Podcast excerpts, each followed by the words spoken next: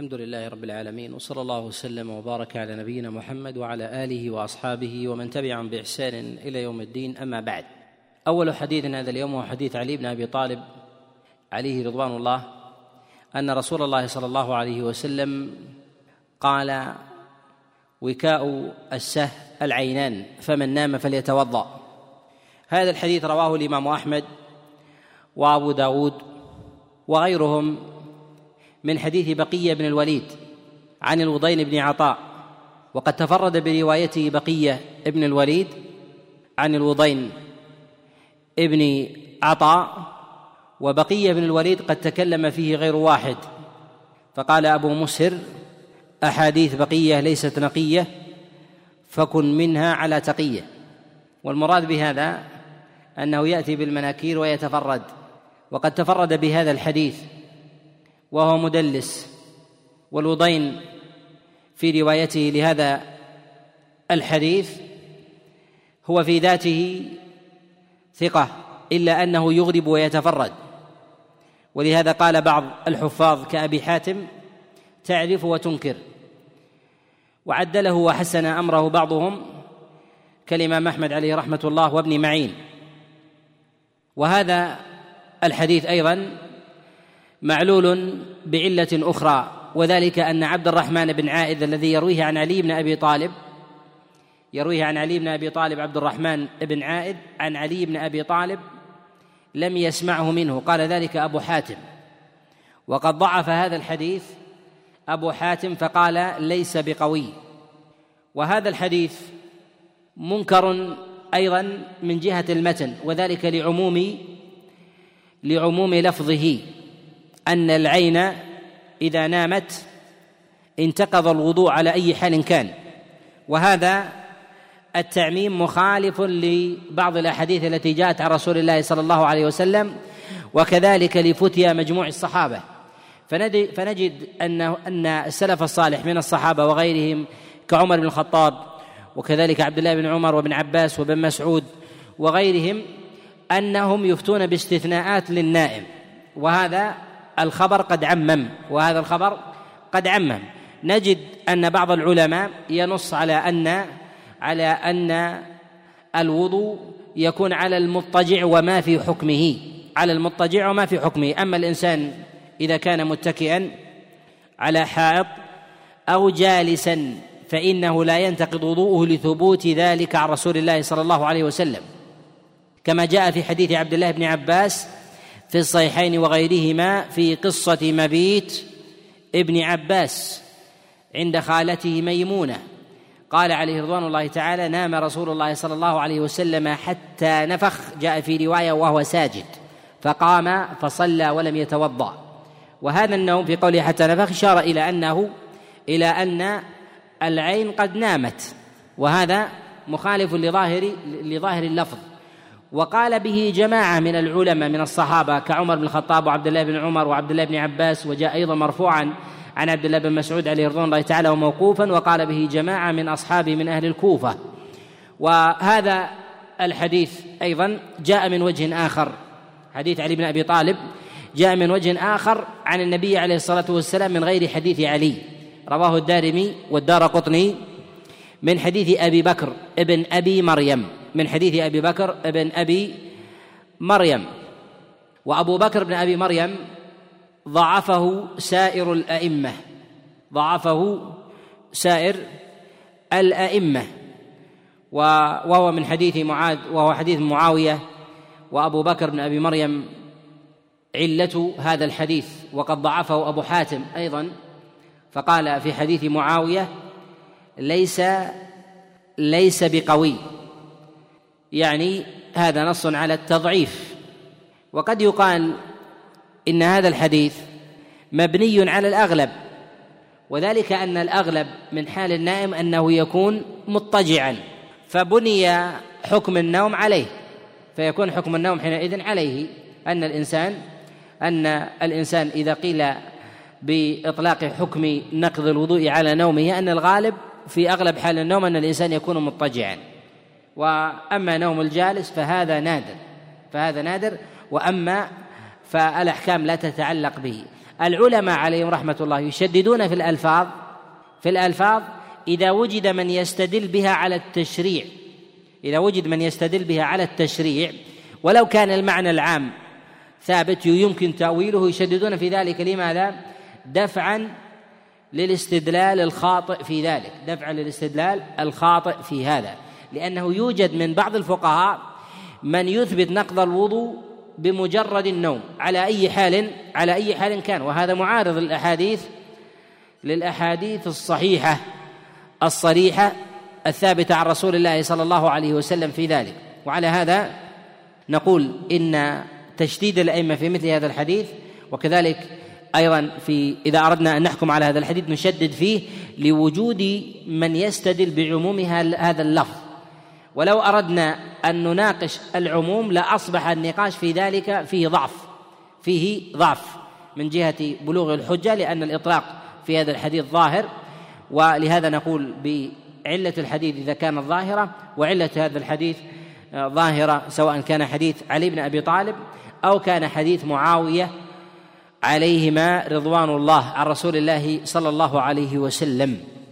الحديث الثاني في هذا هو حديث عبد الله بن عمر عليه رضوان الله تعالى أن رسول الله صلى الله عليه وسلم قال من نام جالسا فليس عليه الوضوء إنما النوم على إنما الوضوء على من نام مضطجعا. هذا الحديث رواه الدار قطني. من حديث الحسن ابن أبي جعفر عن ليث بن أبي سليم عن عمرو بن شعيب عن أبيه عن جده. وهذا الحديث حديث منكر. وهذا الحديث حديث حديث منكر. وإنما قلنا بنكرته لأنه قد تفرد به ابن أبي جعفر وهو منكر الحديث. تفرد به عن ليث بن أبي سليم. وليث بن أبي سليم ضعيف بالاتفاق. وإنما قلنا بإعلال هذا الحديث لأن فيه هذه اللفظة العامة إنما النوم إنما الوضوء على من نام مضطجعا. إنما الوضوء على من نام من نام مضطجعا. على هذا نقول إن الحديث معلول بعلل. أولها تفرد ابن أبي جعفر عن ليث وهو متروك وليث بن أبي سليم وهو ضعيف بالاتفاق. العلة الثالثة أن عمرو بن شعيب في روايته عن أبيه عن جده يروي من صحيفة يروي من صحيفة. والصحيفة في حال عمرو بن شعيب له أصحاب كثر من الثقات يروون عنه. وهذا الحديث لو كان من حديثه لنقله الثقات لنقله الثقات للحاجة إليه. لأن حاجة الناس في أمر النوم ونقض الوضوء في ذلك هذا مما مما يفتقر إليه كل أحد بلا استثناء. يفتقر إليه يفتقر إليه كل أحد بلا بلا استثناء. لهذا نقول إنه منكر من جهة التفرد في هذا فتفرد لابن ابي سليم في هذا في هذا ضعيف وتفرد أيضا ابن أبي جعفر في هذا ضعيف. وليث بن أبي سليم حديثه ضعيف إلا في حالة واحدة. ليث بن أبي سليم ضعيف الاتفاق إلا في حالة واحدة. ما هي هذه الحالة؟ في التفسير. في التفسير على سبيل العموم أم في رواية عن أحد بعينه؟ في روايته عن مجاهد بن جبر. إذا روى الليث بن أبي سليم عن مجاهد بن جبر في التفسير خاصة فروايته بذلك صحيحة. والسبب في هذا أن ليث بن أبي سليم يروي التفسير من صحيفة من صحيفة القاسم ابن أبي بزة. وعلى هذا نجد أن إطلاقات العلماء في مسألة التضعيف ليث بن أبي سليم يطلقون. وهذا العموم محمول على الأغلب. وعلى هذا ينبغي أن أن أن ننظر في الراوي الذي يطلق فيه العلماء الضعف أن هذا لا يعني الاضطراد وإنما يعني التغليب. أن هذا لا يعني الاضطراد وإنما يعني التغليب. ومسائل الاستثناء التي تقع في بعض الرواة ينبغي أن تسبر. وغالبا الأئمة عليهم رحمة الله ينصون على ذلك وما لم ينصوا عليه يعرفه الحاذق بإدامة النظر في حديث الراوي. وإذا وجدنا هذا الإسناد هذا الإسناد فننظر إلى المتن وكذلك أيضا فإنه يلزم من هذا أن نسبر المتون المروية في هذا. قد يتفق الإسناد ويختلف المتن يختلف الحكم مع اتحاد الإسناد. وذلك أن ليث بن أبي سليم يروي عن مجاهد بن جبر عن عبد الله بن عباس إذا كان في التفسير فهو صحيح وإذا كان في غيره فليس بصحيح. وذلك مثاله ما جاء في سنن الترمذي من حديث ليث بن أبي سليم عن مجاهد بن جبر عن عبد الله بن عباس أنه سئل عن الرجل يصوم النهار ويقوم الليل ولا يشهد جمعة ولا جماعة. يعني يصلي في بيته يصلي في بيته. قال هو في النار. قال هو في النار. هذا الحديث جاء من حديث ليث بن أبي سليم عن مجاهد عن عبد الله بن عباس ولكنه في غير التفسير. فنقول بنكارته وضعفه. يأتينا حديث آخر. ليث بن أبي سليم عن مجاهد بن جبر عن عبد الله بن عباس في التفسير وهي كثيرة جدا. وكتب التفسير ودواوينه مليئة بهذا. الحكم تباين باختلاف المتن باختلاف المتن. وقد نص على هذا على صحة رواية ليث بن أبي سليم في التفسير عن مجاهد بن جبر ابن حبان عليه رحمة الله وكذلك يحيى بن سعيد قبله ونص على هذا يعقوب بن شيبة على صحة رواية ليث بن أبي سليم عن مجاهد عن مجاهد بن جبر. وحديثه هنا ليس من هذا النوع وهو محمول على الأغلب فليث بن أبي سليم في روايته عن عبد الله عن عمرو بن شعيب منكره. وذلك لما تقدم أنه في ذاته ضعيف كذلك عمرو بن شعيب له أصحاب ثقات وحديثه في ذلك من صحيفة والصحيفة إذا كانت مع الإنسان فيجيز بها في الأغلب من يلقاه من الثقات. يعطيهم إياه بالتحديث تاما بخلاف الحديث إذا كان من الذاكرة فإنه يأتي بعضا ويدع ويدع بعضا قد يكون في ذلك فوت. فالصحائف في ذلك تأتي في الأغلب عند الجميع لكنهم يتباينون في التحديث بها. يتباينون في التحديث بها ثم انتقاء الأئمة لبعضها. لا يعني أن مجموع الأحاديث ليست موجودة عند ذلك عند ذلك الراوي. وقد توبع ليث بن سليم في روايته عن عمرو بن شعيب لهذا الحديث تابعه من لا من لا يعتد بقوله من لا يعتد بقوله. فقد جاء هذا الحديث من حديث ابن عطاء ابن أبي رباح وهو يعقوب بن عطاء بن أبي رباح عن عمرو بن شعيب عن أبيه عن جده. وابنه ضعيف وأبوه إمام وإمام المناسك وإمام في الحفظ وإمام في الدراية أيضا ويرويه عنه راو متهم يرويه عنه راو متهم واسمه مهدي قد ضعفه غير واحد من الأئمة بل حكم بعضهم على أنه كذاب كما نص على ذلك يحيى بن سعيد كما نص على ذلك يحيى بن سعيد القطان ونص على ذلك أيضا يحيى بن معين على أنه كذاب. على هذا نقول إن هذه المتابعة لا يعتد بها في هذا في هذا الحديث. وأما بالنسبة لنكارة المتن فما فيه من نكارة هي لفظ العموم التي يتشبث به البعض بتقييد النقض على من نام مضطجعا على من نام مضطجعا ولا يفرقون بين بين استغراق الإنسان في نومه ولو كان جالسا. لأن بعض الناس مثلا يطيل النوم ولو كان جالسا حكمه كحمل المضطجع إذا إذا أطال في النوم. فالإنسان الذي مثلا من عادته أنه أنه ينام جالسا أو نحو ذلك فإن حكمه كحال المضطجع.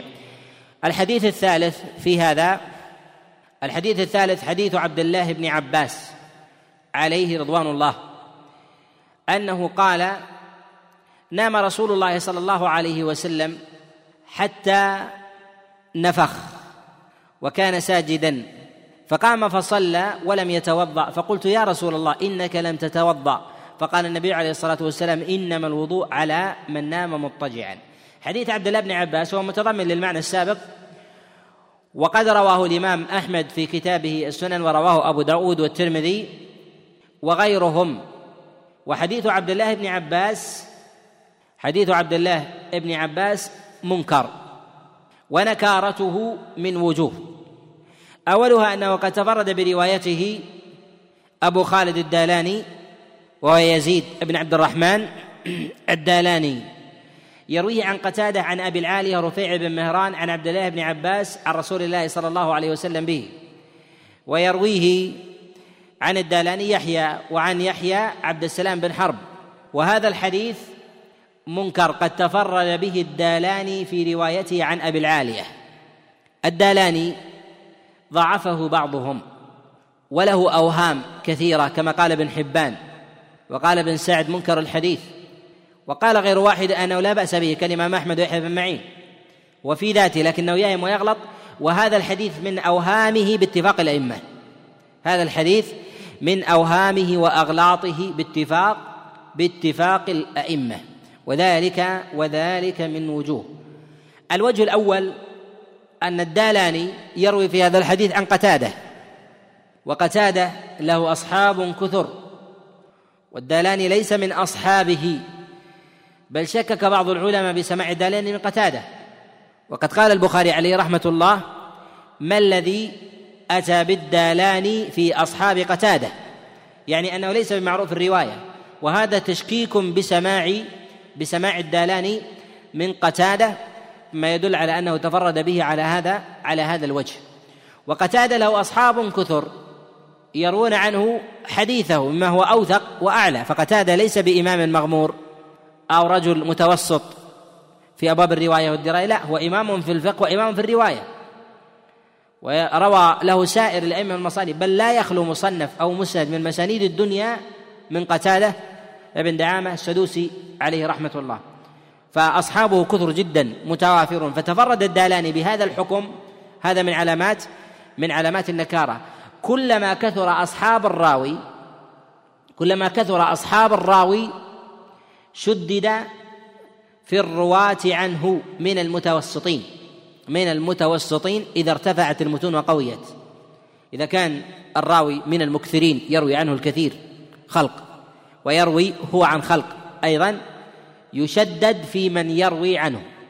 أما إذا كان الراوي ليس من المكثرين إذا كان الراوي ليس من المكثرين من المتوسطين حديثه متوسطة ويروي عنه عدد وعدد قليل. هذا يجعل الأئمة يتسامحون. وإمامة قتادة عليه رحمة الله يجعلنا نشدد في ذلك لأن الإمام يحرص على حديثه ويتوافد الناس إلى السماع منه. فلماذا لم يروي عنه إلا الدالاني؟ وليس له حديث يذكر عن قتادة عليه رحمة الله لهذا أنكر الأئمة حديثه عنه حديثه عنه.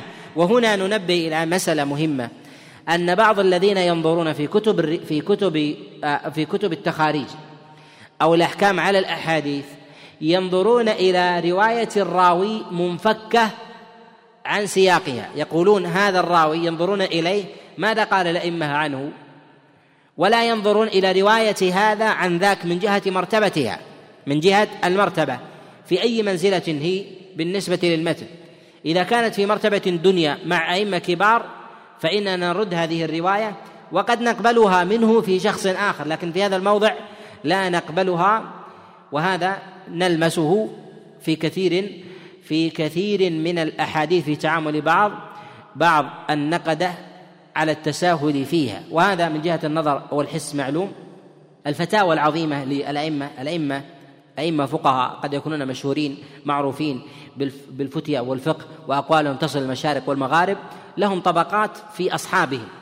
في التلامذة لهم طبقات في من يأخذ عنهم. هؤلاء الذين يأخذون عنهم إذا جاء رجل مغمور يعرف في ذاته رجل صالح ونحو ذلك فجاء بفتوى عن ذلك الإمام عظيمة جليلة. مثل هذا يدل على أنه إما أنه خصه بها أو أن هذا الرجل لكثرة ملازمته له يسمع حتى الشارد ممن لم يسمعه غيره. وهذا وهذا لا يكون في الراوي المتوسط فضلا عمن دونه كحال الدالاني بالنسبة لقتادة. لهذا نقول أن الرو نقول إن الرواة ينبغي أن ينظر إليهم بذاتهم وأن ينظر إليهم بالنسبة لشيوخهم. لا ينفصل الراوي عن شيخه. لا نفك الراوي عن شيخه بل نربطه به. فقد يقترن الراوي بشيخ إمام ثقة يضعف حديثه لاقترانه بهذا العظيم. وإذا كان الذي يروي عنه متوسط فبالنسبة له نقول حينئذ أنه يقبل. لماذا؟ لأنه متوسط وشيخه متوسط فيمشى فيمشى على ذلك. فنعله في موضع ونضعفه ونصححه في موضع آخر مع اتحاد الراوي مع اتحاد الراوي. وهذا ما يسميه العلماء بالسبر وقد تقدم معنا السبر على أنواعه من يذكر أنواع السبر؟ سبر مرويات الراوي. من يذكرها؟ نعم. الموضوعات سبر الموضوعات التي يرويها. الراوي يروي أحاديث كثيرة. يروي أحاديث كثيرة.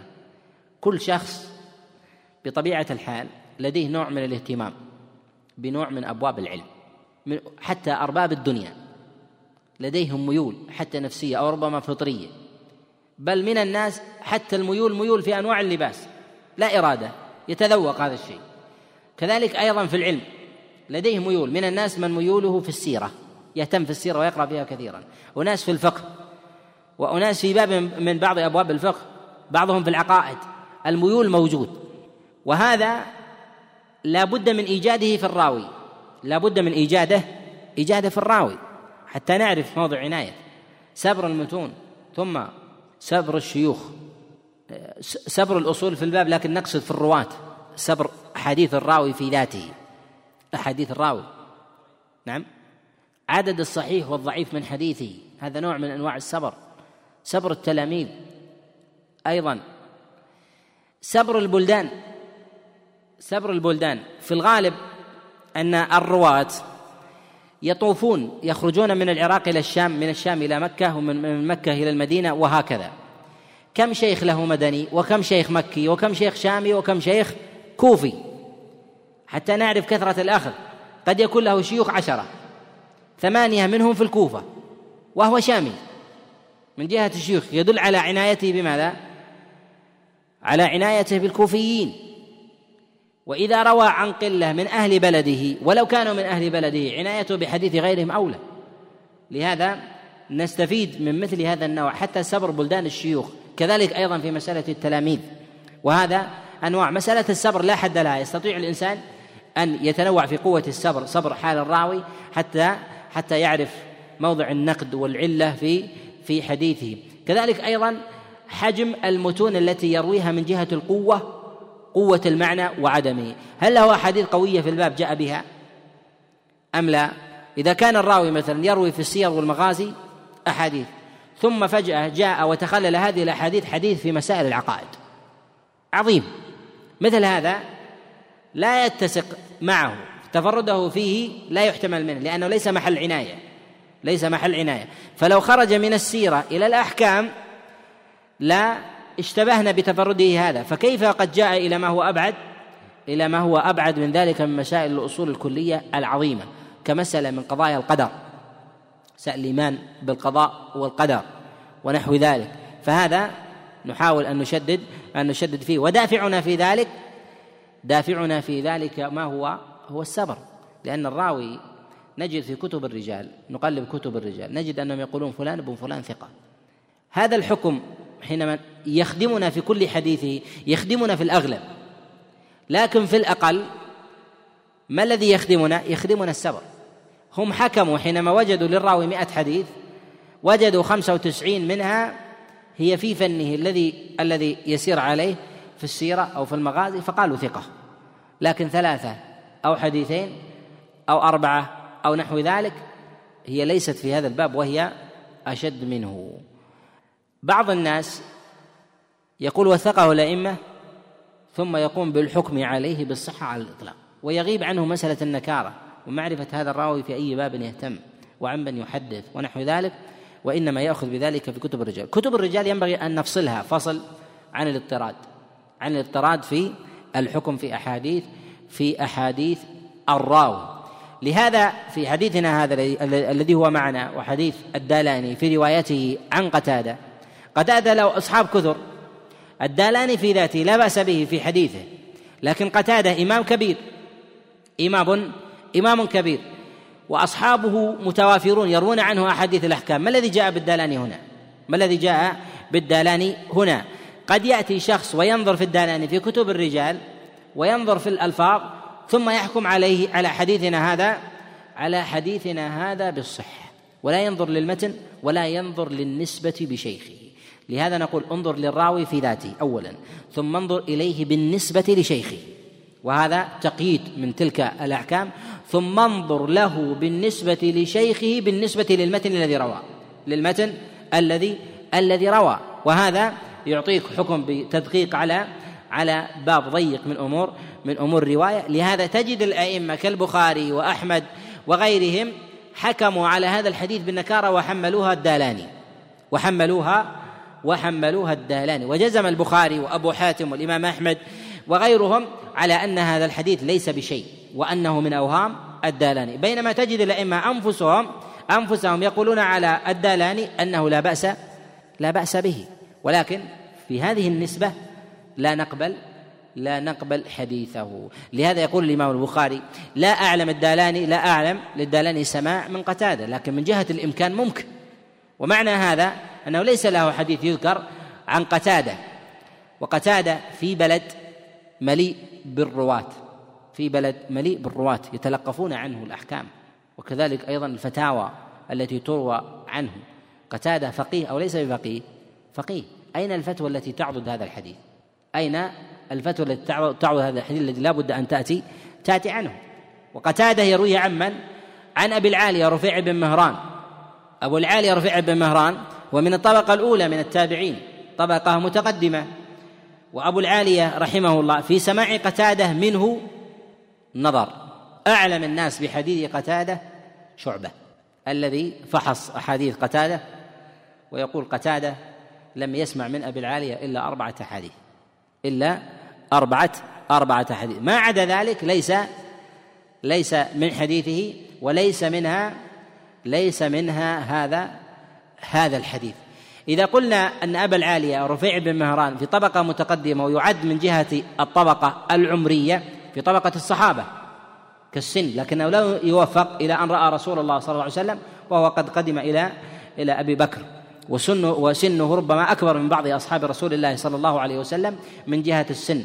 الأولى أن يروي عنه الكبار مثل هذا الحديث. كذلك أيضا في هذا الحديث عن عبد الله ابن عباس عليه رضوان الله تعالى له أصحاب كثر رووا رووا أحاديث النوم عنه لم يذكروا هذا إنما النوم إنما الوضوء على من نام مضطجعا لم يأتي في هذا الحديث. كذلك أيضا هذا الحديث هو في قصة واحدة وهي قصة مبيت عبد الله بن عباس عند خالته ميمونة.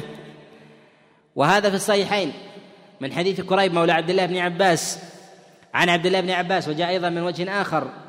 من حديث محمد ابن علي بن عبد الله بن عباس عن أبيه عن جده عبد الله بن عباس. وليس فيها وليس فيها إنما النوم إنما الوضوء على من نام مضطجعا. وإنما قالوا نام رسول الله صلى الله عليه وسلم حتى نفخ ثم قام فصلى ولم يتوضأ. قام فصلى ولم يتوضأ. ما ذكروا الإضافة؟ فقلت يا رسول الله إنك لم تتوضأ. قال إنما النوم إنما الوضوء على من نام مضطجعا. فما أعلوا فما جاء بهذا التعليل والتسبيب من رسول الله صلى الله عليه وسلم لعدم الوضوء وإنما اكتفوا بحكاية الحال.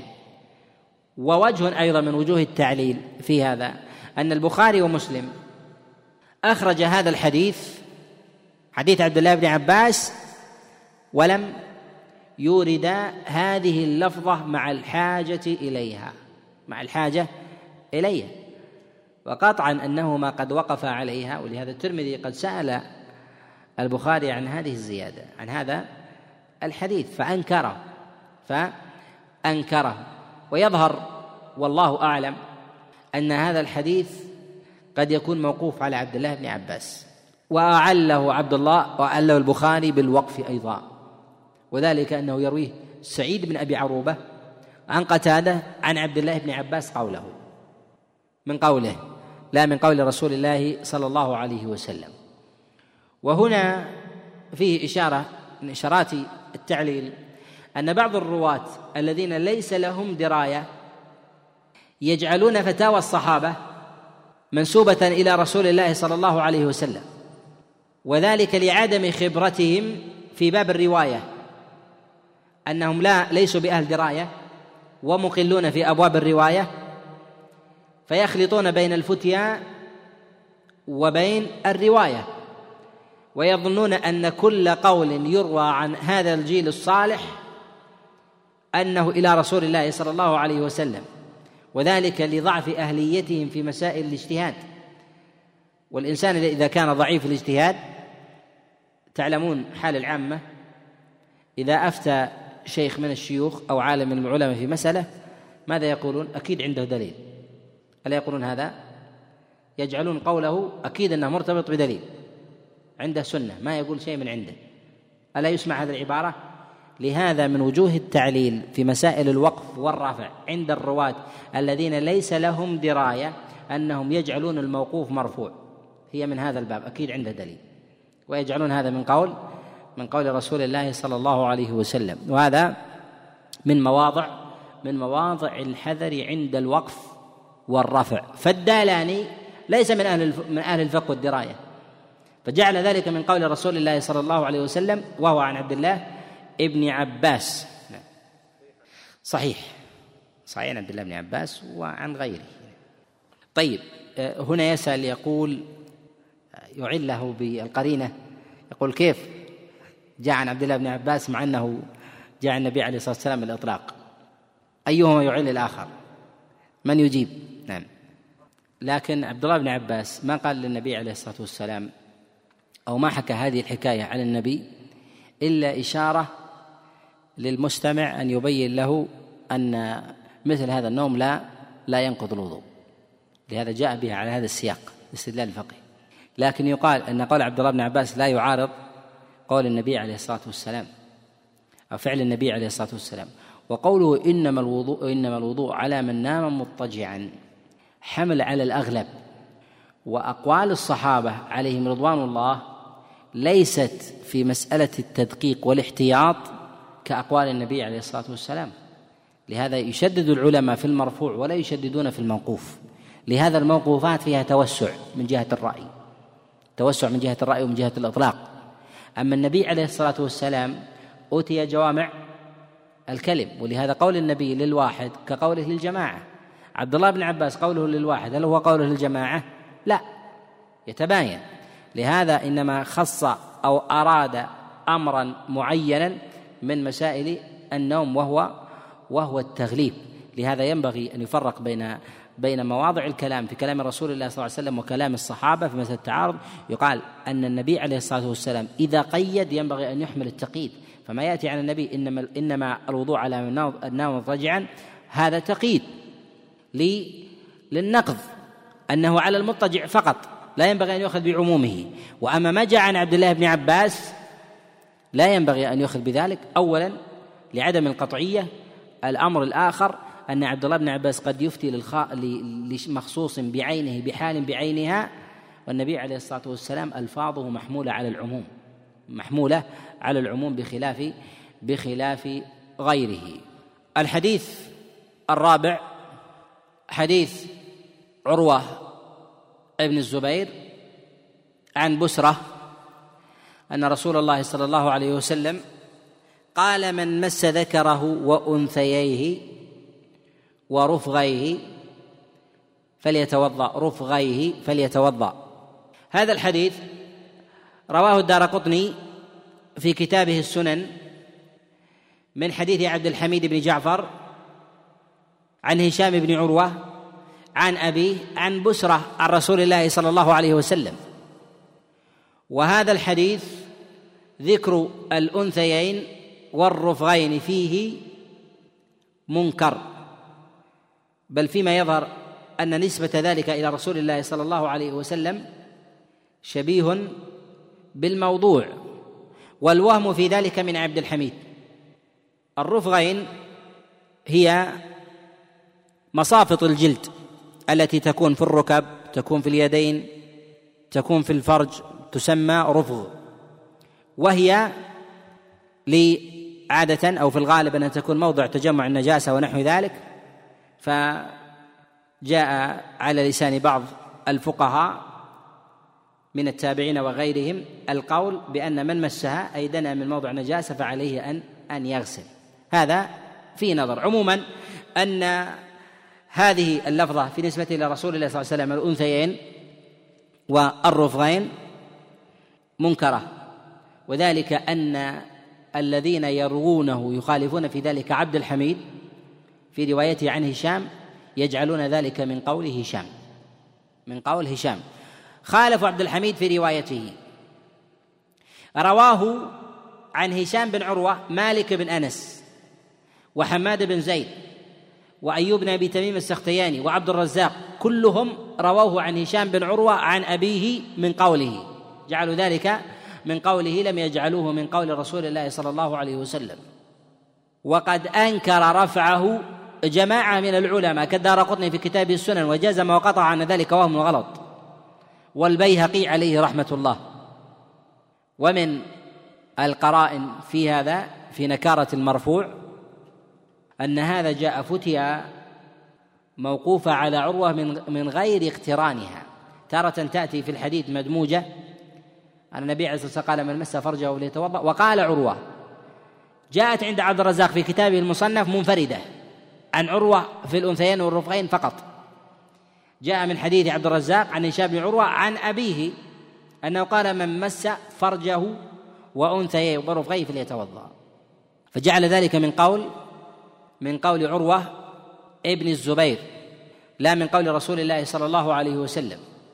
وهذا من المواضع التي يؤثر فيها النظر في فقه الراوي يؤثر على مرويه في المرفوع.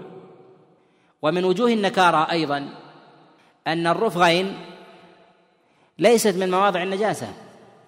وإذا جاء المرفوع في ذلك إشارة إلى موضع التنجس.